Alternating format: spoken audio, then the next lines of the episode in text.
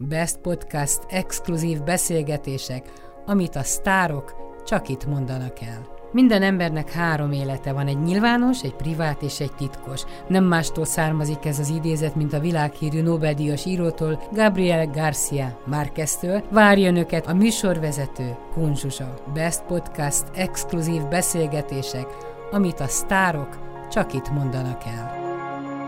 Rákati színésznő a vendégem, és itt előtte már, mielőtt bekapcsoltam a mikrofon, nagyon beszélgettünk, és ott kezdjük, vagy folytatjuk a te családodnál, uh-huh. hogy nemrégiben elvesztetted a nagybátyádat. Igen. Hogy szól a történet tovább? Hát a történet úgy szól, hogy az én nagybátyám 1940-ben született, tehát háborús időszakban, hárman voltak testvérek, és a nagymamám, aki nagyon fiatalon szült, egyedül maradt a három gyerekkel, mert hogy a nagypapámat elvitték, és eh, hát ott maradt a gyerekekkel. És eh, amikor a nagypapám megjött lesoványodva, csontkopaszon, és eh, több év után, akkor hát fönt állt egy helyzet, amivel én is most szembesültem, hogy, hogy valójában, ha jól értelmezem, a nagymamám kiszeretett ezen két év alatt a nagypapából. Ami, hát ha valami dráma, akkor ez nekem például egy, egy nagyon erőteljes dráma, mert milyen érzés lehetett a nagyapámnak, akit az a két év úgy éltetett, hogy egyáltalán hazajött, hogy majd itthon várja a család. És milyen lehetett a nagymamámnak, aki mondjuk két évig, 20 hét évesen, három gyerekkel cipelte az összes terhet, amit el lehet képzelni. Na most nekem ezek nagyon izgalmasak, és uh, úgy alakult, hogy ez a középső gyerek, a Gyuri, kiment Svédországba, Hát azt még hozzáteszem, hogy ő volt aztán később a család fekete báránya, mint művész, és mint cirkusz művész. Tehát ő trapéz művész volt, és nagyon jól ment neki, de hát rengeteg balesete volt, össze-visszatört keze, lába, leszakadt a tüdeje, nem tudom én mi, és beállt utána Untermannak egy ugró csoportba, akkor lement a füle, meg a gerince, nem tudom, és akkor diszidált. Ez a 70-es években és ott már nem tudta ezt a fantasztikus karriert, mint 73 romba kiment diszidens megismételni, és ott maradt egy egyetemi városrész gondnokjának. És most, mikor meghalt, akkor valaki fölhívott minket, hogy hát milyen örökösök vannak, és hogy és mint, de a kisebbik nagybátyám nem tud angolul, és hát fölhívott, hogy nem lehetne-e, hogy én intézkedjek. Hát mondtam, jó, akkor az én gyerekem, aki meg tényleg anyanyelvi szinten tud a sacilányom, akkor intézze. És akkor mindenféle kérdések fölmerültek, és én elővettem egy olyan paksamét a levelezést, ami 40 éve nekem ott volt, még mikor nagymamám meghalt, rám maradt, de én nem nyitottam ki, mert valahogy úgy éreztem, hogy, hogy ezek olyan intim belső két ember közötti levelezés, ami nem tartozik rám. És most, hogy kerestem különböző öm, dokumentumokat, beleolvastam Hát ez valami olyan rettenet fájdalom volt, amikor ezek a történetek így kiderültek, hogy, hogy, hogy és azon gondolkodtam, hogy hogy igazából ezek azok a dolgok, amik, amik engem érdekelnek a színészetbe is. Mert az író megírja azt, amit megír, amit még ami mögötte van eljátszani ezeket a drámákat. És Kati, neked van egy író férjed. Igen. És itt van egy paksamét a levél. Hát ez egy olyan monodráma, vagy drámanak, drámának az alapja, ami mellett nem lenne szabad túllépned. Egyrésztről így van, ahogy mondod, másrésztről három évvel ezelőtt írt nekem egy fantasztikus monodrámát, ugyanígy levelekből, csak inkább foszlányokból, tehát Mármorstein Berta így hívták a hölgyet, és 1914-től emlékei az egész életéből, ami hát egy nagyon izgalmas dolog, és uh, imádom is játszani, mert... Meg ez nem a te életed, meg nem a családod És az a vicces, hogy közben meg igen. Mert azt, amit az én nagymamám mondjuk a három gyerek mellett megcsinált, hogy nem tudott mit csinálni, aranygyűrűkkel lement falura, és elcserélte. Tejre, túróra, sajtra, tojásra, és hazajött. Na most ez a Berta ugyanígy, ugyanígy, csak ő nem aranygyűrűt, ő fölvásárolta a vásznat a boltokba, fölült a vonatra, és elment. Tehát Szerintem ez a, a monodráma, amit Laci írt, ez mindannyiunknak az élete.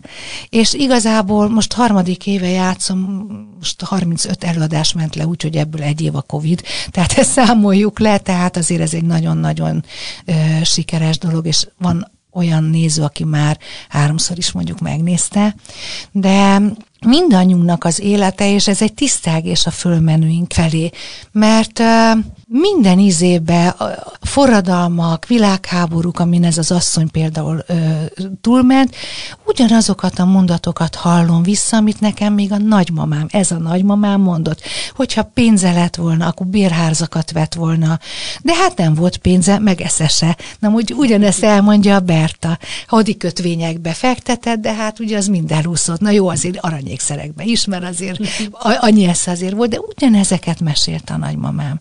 Tehát igazából lehetne ebből is írni, de a Bert az nekem olyan szívemből kinőtt virág, és Laci azt mondta, hogy amikor ő ezt megírta, tényleg foszlányokból, tehát ö, levélfoszlányokból, akkor egyszer csak elkezdte az én hangomon keresztül hallani. És uh, amikor én azt játszom, akkor én abszolút azt élem meg, amiket a nagymamám elmondott, meg amiket a déd nagymamám elmondott. Tehát minden izébe. Jó, persze 14-től mondjuk 20-ig nem meséltek ilyen történeteket, de például a családomban volt, a, aki a kumbélával menekült ki Oroszországba, szóval igazából emlékszem, hogy kisgyerekként a 70-es években években az iskolába megkértek, hogy nem lehetne, hogy bejöjjön a Vili bácsi, mert hogy kumbélával volt kint. Persze, volt ilyen is, de, de alapvetően ez egy női sors, és hát... És a te önálló női sorsod milyen? Az 50-es évek után, aki született, elvileg nem történt semmi a mi életünkben. Csupa jó történt. Csupa-csupa jó. Én, én, én egyszerűen úgy érzem, hogy, hogy annyira szerencsés vagyok, hogy egy olyan korszakba élhettem, olyan korszakban lehettem fiatal, hogy egyszerűen nem voltak határaim. Tehát bármit, amit szerettem volna, nem kellett pénz hozzá, megvalósíthattam. Tehát csak a szándék, csak a vágy, hogy azt mondtam, hogy igen, ezt szeretném megvalósítani, vagy azt szeretném, és addig tanultam, addig csináltam, addig mentem és kértem, hogy kérem, lehetne, szeretném, megvalósultak. Szerintem, szerintem ez csodálatos időszak volt. Nekem hogy nagyon. sikerült a, a, a párkapcsolatod, vagy taid, ha voltak többen? Nem ismerem az előéletedet, mert évtizedek óta a férjed. Igen. Tehát, hogy, hogy ez, is, ez is bejött neked. Igen, bejött bejött. hát nagyon nehéz, szóval ez is, ez is egy ilyen, ilyen, ilyen jellememből fakadó szerintem, hogy egyszer megkérdezték az egyik híres magyar zenészt, hogy hogy tud, nem tudom én, 40 éve a feleségem mellett lenni, és akkor ő azt mondta, hogy akartam. Ez egy jó mondat, igen. Akartam. És bennem is mindig az van meg, hogy, hogy nagyon-nagyon törekszem a szépre, a jóra, és nagyon-nagyon mindig szeretem megkeresni a szépet és a jót. Tehát igazából a rosszat mindig el is felejtem.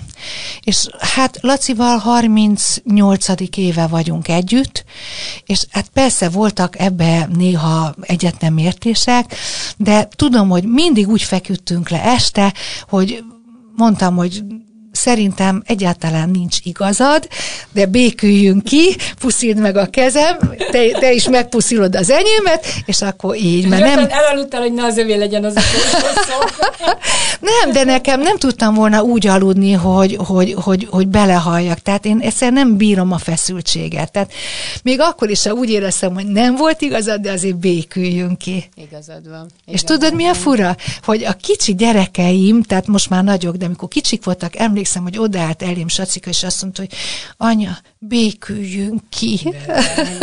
De, és az, hogy te nagyon-nagyon szép, gyönyörű nő voltál.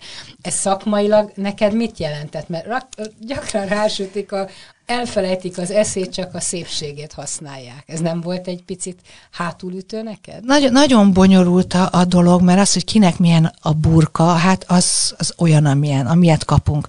Nekem volt testen kívüli élményem. Na, az hogy volt? Hát nagyon fura a zene, mert ugye nekem a zene nagyon-nagyon sokat jelent. És ültem a Maros utca sarkán, majdnem a délinél, és pirosra váltott a lámpa, és valami olasz zene ment, és mondom, hú de jó, hú de jó, hú de jó, és egyszer csak már fönt voltam a déli pálya udvar fölött, és akkor néztem, hogy hol a lábam, és nem volt lábam, ez nagyon rossz érzés volt, nagyon, és hogy nem voltak fények, tehát nem volt nap, hanem minden olyan szürke volt, ez az ijesztő volt. És akkor mögötted dudáltak, vagy mit történt? Azt én nem tudom, hogy mögöttem Semmi. mi volt, mert én akkor a déli fölött voltam most lehet, hogy hülye hangzik, de tényleg így volt.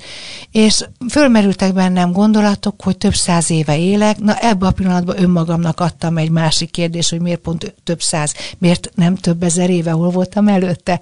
Tehát nagyon rövid ideig tartott az egész, csak azt tudom, hogy utána lenéztem, kényelmetlen volt, hogy nem volt testem, sérülékenynek éreztem magam nagyon, tehát nem volt jó érzés. És megállapítottam, és ezért nagyon érdekes, hogy milyen szerencsés vagyok, hogy egy ilyen szép tok, tokom van. Az te otthonod a szép tokod. Hogy milyen szerencsés vagyok, tehát teljesen elkülönültem magamtól, ott ültem, láttam magam, hogy mosolygok, és hallgatom a zenét, és abban a pillanatban már benne voltam, zöldre váltott, és mentem tovább.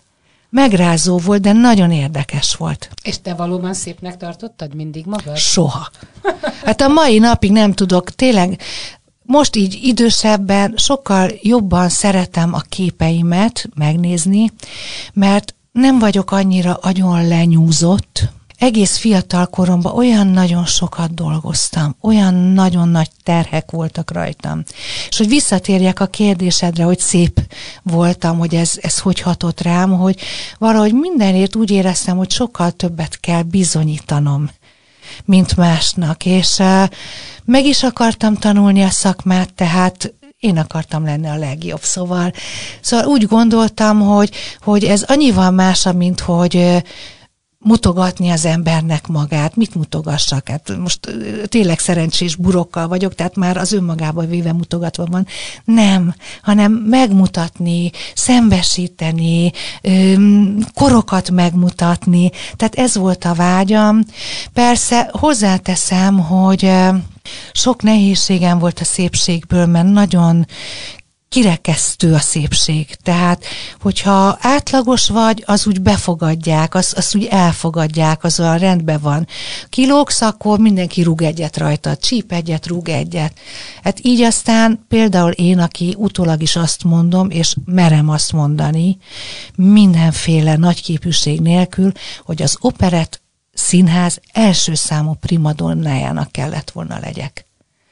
De nem tudtam, mert akik ott voltak, azok mind csíptek, rúgtak, haraptak rajtam. Tehát főiskolásként bekerültem egy kortárs műzikelbe, és emlékszem, hogy a fiatal kolléganő odaült a szerző mellé a nézőtérre, és azt mondta, hogy ugye csak nem fogja erre rábízni, hát tönkre fogja tenni a darabját, tehát ez még csak egy főiskolás, és más, már másnap nem voltam a darabba. Honti Hannával játszottál együtt? Ne, ha hogy játszottam volna, dehogy is. Hát, addigra... addigra ő már éppen meghalt, mire én már mondjuk fiatal színész lehettem volna, de egy, jelek vannak az életben, mert mindig vannak jelek. Honti Hanna ott lakott a Kertész utcába, ahol én két házzal arrébb, mert ő a, a ciklongarás fölött rakott, én meg a Kertész Dobuca sarkán. Aztán Honti Hanna február 21-én született, mint én. De aztán Honti Hannát zömében a nagymama nevelte, mint ahogy engem a déd nagymama nevelt. Tehát sok-sok olyan pont volt, és hát akkor én már több gyermekes anyuka voltam, és muszáj voltam leszerződni, mert kellett a fizetés, mert nem lehetett a szabadúszást, mert az azért egyrésztről jó, de másrésztről meg hát kiszámíthatatlan, tehát nagyon nehéz élet. És leszerződtem a Honvéd Művész Együttesbe, és ott a, a, az egyik vezetőm a Novák Eszter volt aki nagyon jó rendező volt, és nagyon szeretett engem, és mindig megkérdezte, hogy mit szeretnék játszani. És mondtam, hogy tudod mit, talán a Honti Hannát, a Honti Hanna élete. És akkor ott volt a, a Honvédnál szerződtetve a Kárpáti Péter nevű drámaíró. Ez nem, ő nem azonos az Erkárpátival, ő az ő a Kárpáti Péter, szerintem a legnagyobb magyar élő drámaíró, És akkor kézenfekvő volt, hogy akkor a Péter írja ezt meg nekem. Hú, hát azért az zseniális volt, az, azt én nagyon imádtam. És ott még a fiatal Honti, tehát amikor még nem volt modoros, mert amikor én már őt megismertem, és mondjuk főleg felvételekből, hát akkor ő már 80-80 fölött volt és megkeseredett volt. De azért, amikor ő elkezdte az életét, akkor az összes nemzetközi újság, nem magyar, nemzetközi, azt írta, hogy úgy énekel, mint egy kismadár, mint egy pacsírta, aki átszeli a, a, a, az, az óceánt. Tehát nem véletlenül, hogy például Ausztriába is őt hívták meg, pedig hát nyilván volt rengeteg osztrák művésznő, de őt hívták meg vendégszerepelni a Lehár operetbe. Azért, ha, ha végig tekintesz összességében a mai napig, te nagyon-nagyon sikeres voltál minden szempontból, még ezekkel a pici kis buktatókkal is. Hát én is így értékelem, tehát nagyon nehéz, hogy az ember um, egy életívet végignéz, és hát végül is ugye 83-ban végeztem, azért az nem ma volt, minden évben volt legalább egy bemutatom, de inkább több.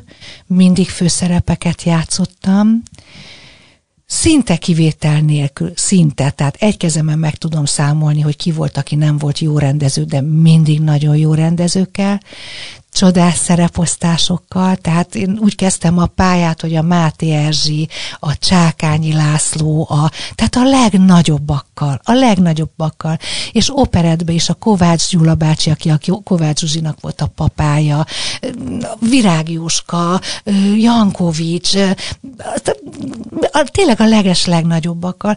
Úgyhogy igazából, ha összesítem a pályámat, még akkor is, hogyha volt egyszer egy év, amikor Lacival kilenc hónapot feküdtem, ugye azt ki kellett hagyjam, mert akartam, hogy legyen gyerekünk, és, és tényleg nem tudtam, tehát nem tudtam állni, tehát muszáj voltam feküdni, de és utána Mircinél, amikor már 33 éves voltam, és azt mondtam, hogy hát az nem lehet, hogy, hogy én már úgyse leszek még egyszer anyuka, nekem muszáj egy évet legalább otthon lenni vele.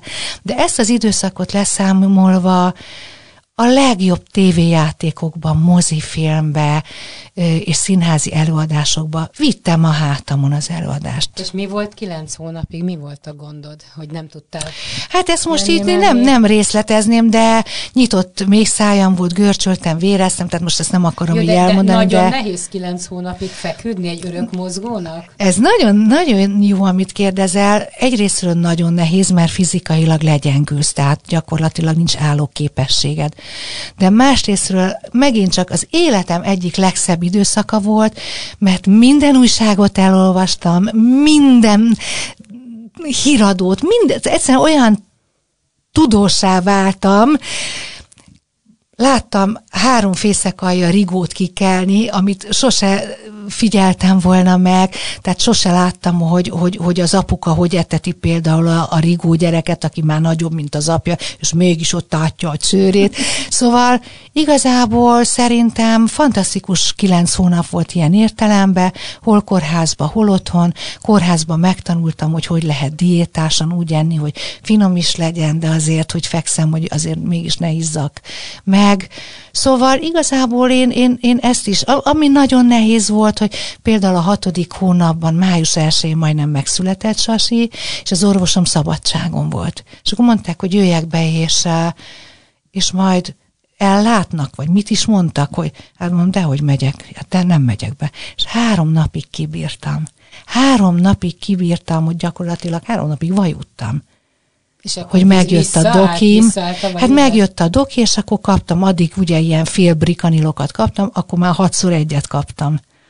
Hatszor egyet. De augusztus 1 kibírtam. Május Teljesen Négy kilós volt. Ahogy mondod, hogy neked egy szerencsés korszakod van, ugyanezt el lehet mondani a te lányod nemzedékének is, hogy, hogy ugyanolyan szerencsés, mint amilyen te voltál, vagy a te korosztályod? Ez azért nagyon nehéz megint csak válaszolni. Egy, az én gyerekeim kiemelt környezetbe vannak, tehát nem egy átlag környezetbe. Ugye mi a Rózsadomból lakunk, a környezetben lévő iskolákba, azért nem lehet összehasonlítani egy rózsadombi gyereket mondjuk egy 8 hetedik, nyolcadik kerületi gyerekkel. Mert én ugye a hetedik kerületben nőttem föl, tehát merem ezt mondani. Az én gyerekeim úgy érettségiztek le, hogy minimum két nyelven beszéltek, sportoltak, zenéltek, és ne felejtsük el, hogy volt egy rendszerváltás, amiben kinyíltak a kapuk. Tehát az én gyerekeim úgy járják Párizst, Tokiót, New Yorkot, mint itt Budapestet. De akkor ez a társadalmi olló, ez nagyon szétnyílik. Nagyon. Mert nem találkozik a nyolcadik kerületi roma gyerekkel, nincsenek közös programjai, tehát a szociális érzékenysége hogy alakul ki? Hát az én gyerekeimnek általam, mert hogy én ezeket a, a különböző projekteket mindig támogattam. Tehát még gyakorlatilag, hú, nem is tudom, mikor kezdtem el, 94-től elkezdtem olyan programokat támogatni, ami kifejezetten azt segítette, hogy a legkisebb falvakból is meg tudják mutatni magukat a gyerekek. Tehát támogattam a Gyerekvilág Alapítványt, amiben zsűriztem, tanítottam, táborokat vezettem. Az volt a, a lényege, hogy nem kellett befizetni rá a, a, az induló pénzt, hanem bárki csak odajött és regisztrált és jöhetett és megmutathatta magát. És akkor még olyanokat tudtam mellette megcsinálni, hogy ennek legyen látható felülete, hogy egészen egyszerűen fogtam magam, és bementem különböző helyekre, mondjuk például a Vigadóba, megkérdeztem, hogy szeretnék egy rendezvénynek egy egy napra egy bérlést, ami ingyen van, tehát egy ajándékba, azt mondták, hogy képzelem el, mondtam így. és akkor mondták, hogy hát ez, ez így nem fog menni. Egyébként van egy ösztöndi, ami pont ma este jár le, mondom, állj, van egy ilyen? Tessék szívesen ceruzával azt az egy napot beixelni, ami még ott marad. Elkérem a lapokat, elszaladok a rendezvény tulajdonosához, kitöltjük, és este hat előtt már ott volt a papír, és megkaptuk. Tehát ezek a gyerekek falvakkal jöhettek, és nézhették, hogy, hogy tényleg milyen csoda az a kisgyerek. Akkor a lányok belekóstoltak ebbe ők, ők, ők, ők, ők ezt a szemléletet látták. Tehát, Milyen volt a te hetedik kerületi életed? Én nagyon szerettem. Hát nekem akkor az volt a madárcsicsergés, mikor reggel megjött, szembe volt egy közért, megjött a teherautó, levette, a, a, akkor még üvegek voltak, a csörgős üveget jól lerakta, csörgött minden, és érdekes, nem vette senki a tejet, se a kiflit. Szóval én, én, én a Fészeklub mellett voltam, emlékszem, kisgyerekként kiártunk az erkére, megjöttek a kocsik a művészekkel, és akkor néztük Törőcsik Mari drága, le volt kötve a fej, akkor nagy divat volt, nagy napszemege, megérkezett, nyitott autóval, és bement a fészekbe, és mindenki át, és az ablakokból az erkéről néztük. Tehát én, én nekem csupa olyan emlékem van, ami, ami szeretettel, hát és ugye azért a kultúra az iszonyan elérhető volt, én a kellős közepébe voltam. Ha jobbra mentem, ott volt az Erkel Színház, a Madács Színház, Tátra mozi, balra mentem a Zeneakadémia, az opera, az operett, a, mi, minden. Szóval egyszerűen semmi nem volt elérhetetlen. És hogy jött Laci az életedbe? Hogy ismerkedtetek össze? Hát, ha ő ezt most látni vagy olvasni fogja, biztos meg fog lepődni, de azt kell, hogy mondjam, hogy én akkor már ismert színésznő voltam. A főiskolán volt egy tanárom, aki közvetlenül nem tanított, de én főiskolásként az ő előadásaiba szerepeltem, a Félix László, és ő hívott meg engem a Kémeri című sorozatnak az egyik epizódjának a női főszerepére. És akkor volt egy dal feléneklés, a Döme Zsolt írt egy dalt ebbe a film, filmbe, és Laci volt a dramaturg. Ő találta ki egyébként a sorozatot, és dramaturgia is volt a filmsorozatnak és lejött megnézni az éjszakai hangfelvételt, és ott találkoztunk. Hát én láttam szép magas szőke fiú, nagy bőbe baba szemekkel, úgy nézett, Hát jó van, nézzen, más is néz, hát az nem úgy van. Hát az nem olyan világ volt, mint most, hogy rögtön, tudom én, első izé után már hazamennek, nem tudom. Hát, nézzen, nézzen, nézzen, De akkor szabad volt épp a szíved? Hát szabad volt épp a szívem. Mondjuk én nem voltam szabad, de a szívem... Igen de ő meg épp egy vállásba volt. És Hát akkor a Dömes volt meg éppen össze volt veszve a az Ágival, Vojtágival, és mondta, hogy nem tennénk-e meg egy szívességet, hogy lemenne a balettcipőbe, kibékülni az Ágival, de egyedül nem akar, menjünk vele. És akkor így fogtunk egy taxit, hárman, elmentünk a hangfelvétel után, ő ki is békült, hát mi meg ott jót beszélgettünk, utána én taxival hazamentem, és utána teljesen véletlenül, mert hogy a jelek, ugye, összetalálkoztunk Debrecenbe. És akkor én nem is láttam őt, ő ott bent ült hátul a sötétben nézőtér legvégébe, és én énekeltem a ö, mi is volt, Mágnás Miskába, hogy úgy szeretnék boldog lenni, a szívedem megpihenni, ha nem vagy enyém, elhágy a remény, ha nem vagy enyém, nem kell senki, és ezt a mai napig azt mondja, hogy én ezt neki énekeltem. Mondtam, nem is láttalak. És akkor közben neki lezárult a, a vállási dolga, szabad lett, és akkor mi onnantól kezdve már elválaszthatatlanok voltunk, tehát együtt voltunk. És fel nem merült, amikor szültél, hogy karrier vagy család? Nem, vagy nem merült föl. Nem? nem merült föl, mert nagyon, nagyon, szóval sok problémám volt nekem előtte női problémába, és Mondjuk abban a pillanatban tudtam, hogy vagy most, vagy soha lesz kisbabám, de amikor két hét után elkezdett problémáim lenni, tehát elkezdtek problémáim lenni, akkor tudtam, hogy annyira tudtam, hogy Laci akkor elment Angliába egy sorozatokat megtanulni egy ilyen, hogy mondják az ilyet, egy ilyen tanfolyamra. És kikísértem a reptérre, és ez talán október vége volt, és egy magas talpú hótaposóban mentem ki, hogy a betonon ne fázzak fel. Tehát akkor voltam kéthetes kismama. De, és nem is volt annyira hideg, de egy vastag talpú hótaposott, hogy nehogy fölfel. Tehát abban a pillanatban azt mondtam, és akkor emlékszem, játszottam a Karamazov testvérek főszerepét, a Grusenkát. Rám volt kihegyezve az egész eladás, a Galilaci édes, agyon sztárolt, hatalmas plakátokon, Fésűs Tomi meg én. És akkor könyörgött, hogy játszam le az eladást, és mondtam, drága Laci, nem tudom tehát én, tud, én tudom, hogy akkor elpottyantanám a babát. Nem tudom. Bocsáss meg nekem. Nem tudom. Én nem is, nem is csináltam meg, szóval nem. Igen. És milyenek a lányok, lányaid? Gyönyörű, édes, drágák, jók.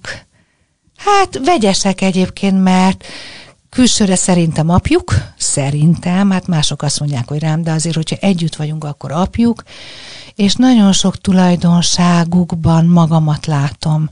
Tehát például egyszer elmentünk egy francia kirándulásra, végigmentünk a három gyerekkel a Loármenti kastélyokat. Ki a harmadik gyerek? Hát a vállásból hozott egy évesen Klárit. Hogy azt ti neveltétek együtt? Hát úgy neveltük, hogy amikor kicsi volt, akkor nagyon sokat volt nálunk, amikor meg az anyukája újra férhez ment, és 8-9 éves lett, akkor kiderült, hogy az nem működik, hogy minden második nap itt, második napot, és akkor csak hétvégenként. És a nyarakat meg teljes egészében állunk. És akkor elmentünk a Loármenti kastélyokat, végigjártuk, és megnéztük a gyerekekkel, és egy kastélyba egy kastélyba bementünk, és egy picike szobába, mindenki jobbra-balra ment, és egy picike szobába benéztem, és abban a pillanatban megláttam magamat, de úgyhogy hátra hőköltem. Hát egyszer csak megláttam magamat, és saci volt. Igen. Szóval három gyerek hogy jött ki egymással? Imádják egymást. És hát ugye most már azért ők felnőttek, tehát Klári Dániában van több diplomás, van művészettörténész diplomája is, tanári is, zenei diplomája is, úgyhogy most Dániában egy szimfonikus zenekarnak a menedzsere. Hát ez eléggé, eléggé magas szintű, és járják Amerikától kezdve a világot mindenhova. Ő neki még nincs családja, de én nagyon szeretném, ha már lenne. Sacikán férjhez ment, ő Amerikában él, ő Párizsba és New Yorkba végezte az egyetemet, most Berlinbe végre már leadta szakdolgozatot, úgyhogy remélem, hogy már a doktorit is. Mi lesz belőle?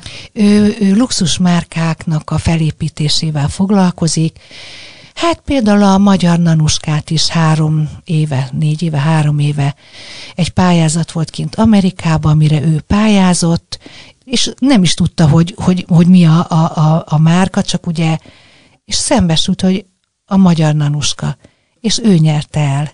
Úgyhogy egy magyar kislányként kint Amerikába ő építette föl itt a magyar nanuskának. És azóta az összes amerikai sztár vásárolja a nanuska ruhákat. Tehát azért ez, ez azért nem kis dolog. Igen. Hát most csinált egy saját céget, nagyon tetszik nekem, ahogy dolgozik, szóval nagyon, nagyon kemény munkával.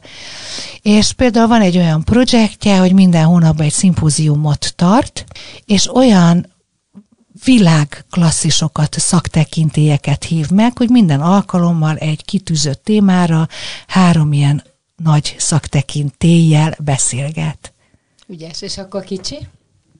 Hát a kicsi, hát tudod, mindig a kicsi a legnehezebb, a legrumlisabb, szóval hát ő, ő nagyon színes, nagyon okos, ebből fakadóan nagyon ezerfelé de itthon van? Ő, ő most itthon van, igen, igen.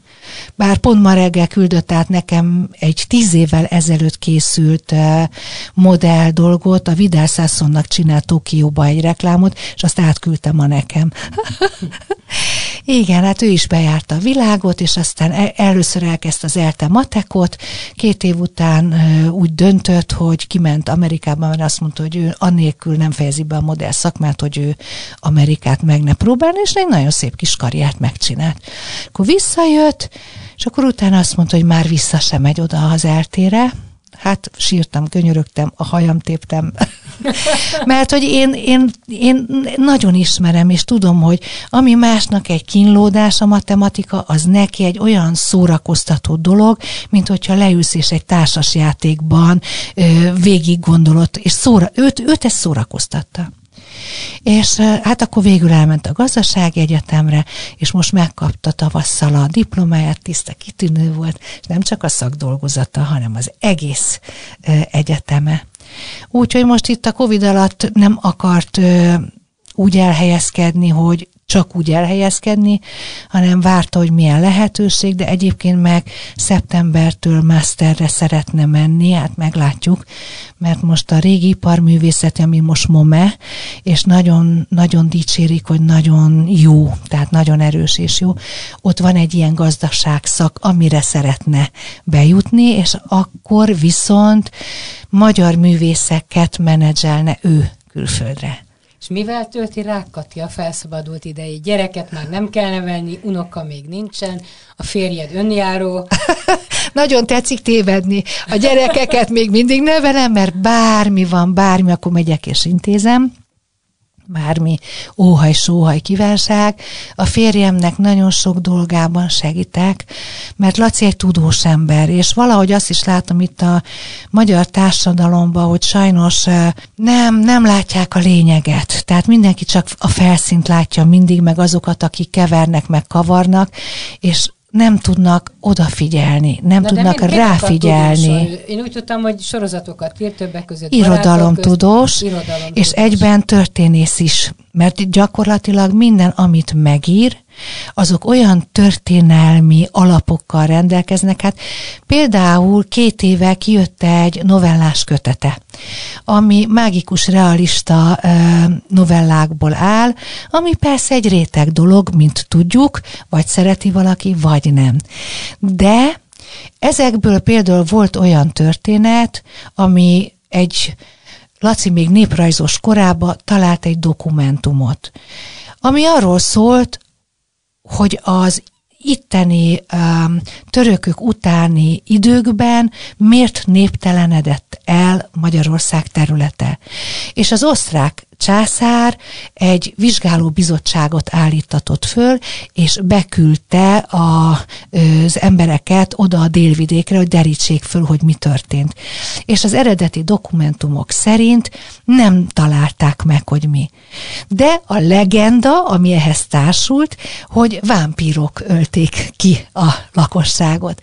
Na most ebből Laci írt például egy csodálatos szerelmi történetet, az a címe, hogy szakadatlan, most is a hidegre ház, ami azt nem mondom el a csatanot, de elmondom, hogy mindenki meghal, egyedül a, a lány, aki vámpír, úgy örökíti meg magának az egyszer megmaradt katona fiút, hogy azt is vámpírá teszi, hogy örökkön örökké szakadatlan együtt legyenek. Szép, Gyönyörű. Történet, Na most én például ezt, ezt a kötetet megkérdeztem kiadót, hogy kiadnák-e, kiadták, és ebből csináltam egy nem szándékosan, egyszerűen sugallatra, nem tudom, egy hangszínházat.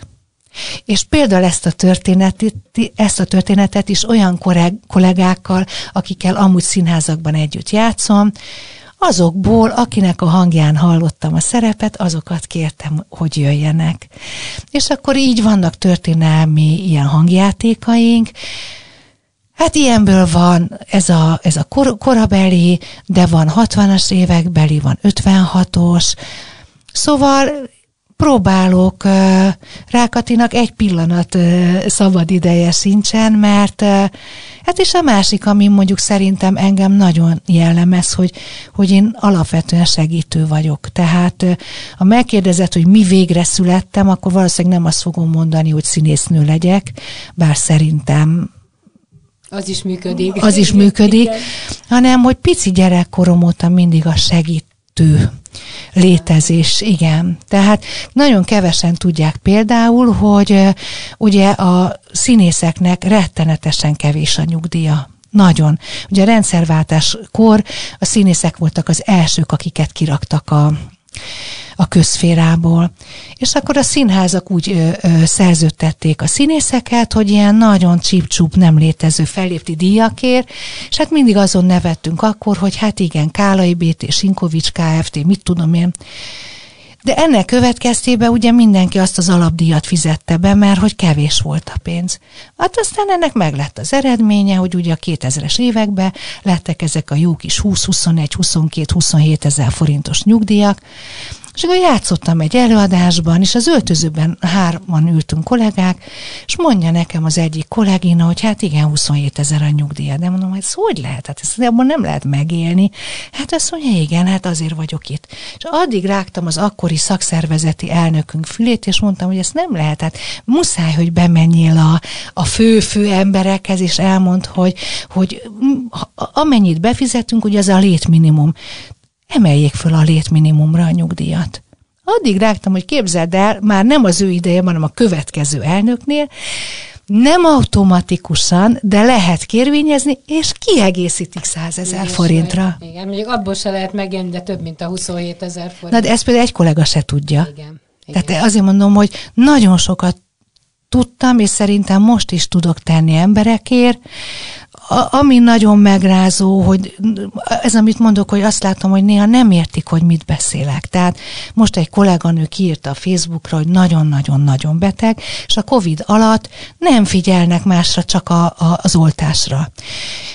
Nem kap semmilyen ellátást, és a férje is, aki dramatur volt, az is sajnos súlyos beteg lett, hogy segítség, és akkor hát odaírtam, hogy mit tudok segíteni, és rögtön fölhívtam a szakszervezetből valakit, hogy mit lehetne, és rögtön az volt a válasz, válasz hogy és szakszervezeti tagok? Mit tudom én? Nem az anyukája vagyok, nem tudom, csak azt látom, hogy sikít. Baj van. Hát tök mindegy, hogy szakszervezeti tag vagy nem. Ilyen helyzetben van, akkor segítünk.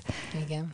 Tudod, tehát azért mondom, hogy Igazából nem, Csináltattál nincsen. te valaha is magadnak horoszkópot, hogy milyen a te életed születéstől? Igen. Mi, mi van benne? Hát, ami az igazság egyébként, hogy minden, minden nagyon szép és minden nagyon jó.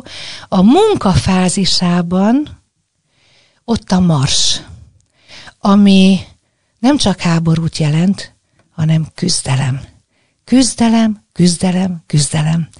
És aki ezt nekem megcsinálta, az azt mondta, hogy mások negyed ennyi tehetséggel, szorgalommal sokkal előrébb jutnak, mint te.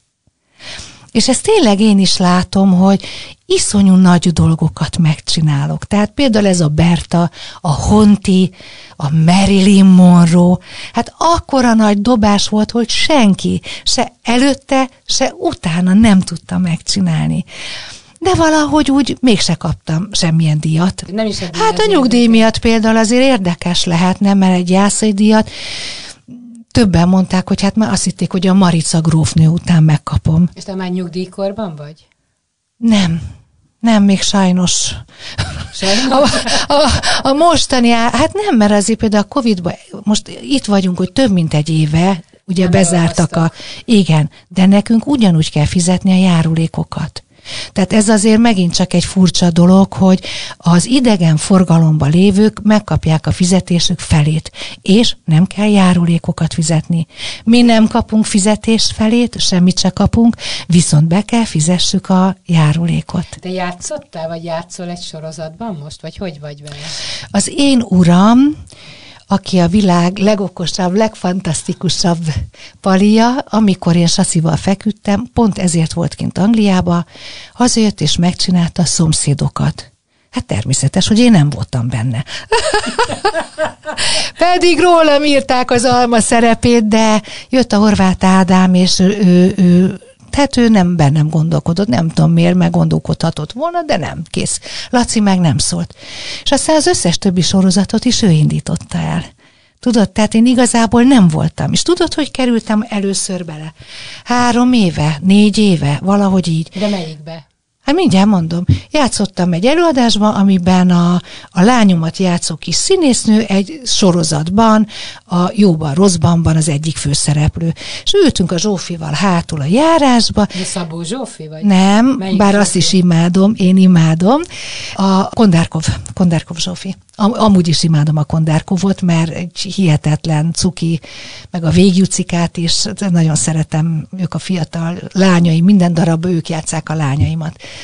És uh, Zsófival beszélgetünk, és mondom, na, Mizu, hogy vagy? És, akkor, és te, hát mondom, döglődés. Nem akarsz te sorozatba? Mondja nekem a Zsófi.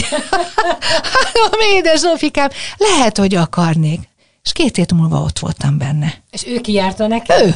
Azon nyomba bement, hát nem azon nyomba, mert előadáson ültünk, másnap bement, szólt, kihívtak egy castingra, rögtön bekerültem a castingos színészek közé, és egy hét múlva már küldték a szöveget. És most is benne vagy a jóban rosszban? Abba most nem, most, most Drága elmondom. Nem, valamelyikben voltam, de most jövő héten megyek a keresztanyuba. Az jó. Hú, de milyen jó az a szerep, amit kapok. Hát, hú, de Mit jó. kapsz benne? Hát egy ukrán nőt, aki anyukája az egyik bűnöző lánynak. Ez jó. Ez jó szerep. Hát szeretem az ilyet, mert ugye itt van mit játszani. Hát az, hogy valaki szépike, azt nem lehet eljátszani. Tehát életemben kevés szerepet adtam vissza. Az egyik volt az egy szerelem három éjszakájában Radnótiné. Mert akkor úgy éreztem, hogy most ezzel mit játszak el, hogy most egy kedves, szép, fiatal nő, hát ez nem, tudok, nem tudok mit. És erre mondja Laci, hogy kár volt visszaadni, mert ha nem csinálsz semmit, csak elénekeled és elmondod, akkor is tökéletes lett volna. Én túl korán kértek föl, akkor én csak azt láttam, hogy én ebben nem tudok mit kezdeni. De ugyanakkor meg itt van ez a szerep, amiben meg, meg annyi ezer szint a lukakat meg lehet csinálni. A lukakat, amiről beszéltünk. A Lacival szoktatok az öregkorotokról beszélgetni, hogy hogy lesz ez majd? Nem, sőt, én mindig azt mondom neki, hogy szedje össze magát, mert nem akarok egy öreg palival élni. Nem. Mekkora akkor különbség? Hát csak hat év van, de nem, itt a, a, a mentalitásban van különbség, mert én úgy jövök föl például az utca végéből, ami egy meredek utca, hogy frissen, ruganyosan, frissen, ruganyosan. És látom körülöttem mindenki lassan bandukolva. Nem, ezt is forszírozni kell. Frissen, ruganyosan. És mindig mondom neki, ebédelünk, fog meg a kezem. Nem, nem fogja. fog meg a kezemet, és nyisd ki a szemed, nyisd ki fiatalosan. Szóval nem, hát... Szóval nem hagyod megöregedni. Nem hagyom, nem. hát nem, nem, nem szerintem tényleg ez egy alkati dolog, de szeretnek, vannak olyan emberek, akik szeretnek arról beszélni, hogy és neked mennyi a vérnyomásod, és neked mennyi a cukrod, és mit tudom én, te milyen gyógyszert szedsz, és amikor jönnek a gyerekkori barátai át hozzánk, és mondom, hogy gyerekek, ezt most adjátok abba, ez most, nem, senki, semmilyen gyógyszert, semmilyen vérnyomás, mindenki tökéletes. És mennyi a vérnyomás? én nem tudom, én nem mérem. Tudod? De hát kicsattanó egészség Hát így legyen, igen. Istennek. Nagyon szépen köszönöm. köszönöm. Rák Katinak öröm volt veled beszélgetni. Köszönöm szépen. Best Podcast exkluzív beszélgetések, amit a sztárok csak itt mondanak el. Minden embernek három élete van, egy nyilvános, egy privát és egy titkos. Nem mástól származik ez az idézet, mint a világhírű Nobel-díjas írótól, Gabriel Garcia Márqueztől. Várja önöket a műsorvezető Kunzsuzsa. Best Podcast, exkluzív beszélgetések, amit a sztárok csak itt mondanak el.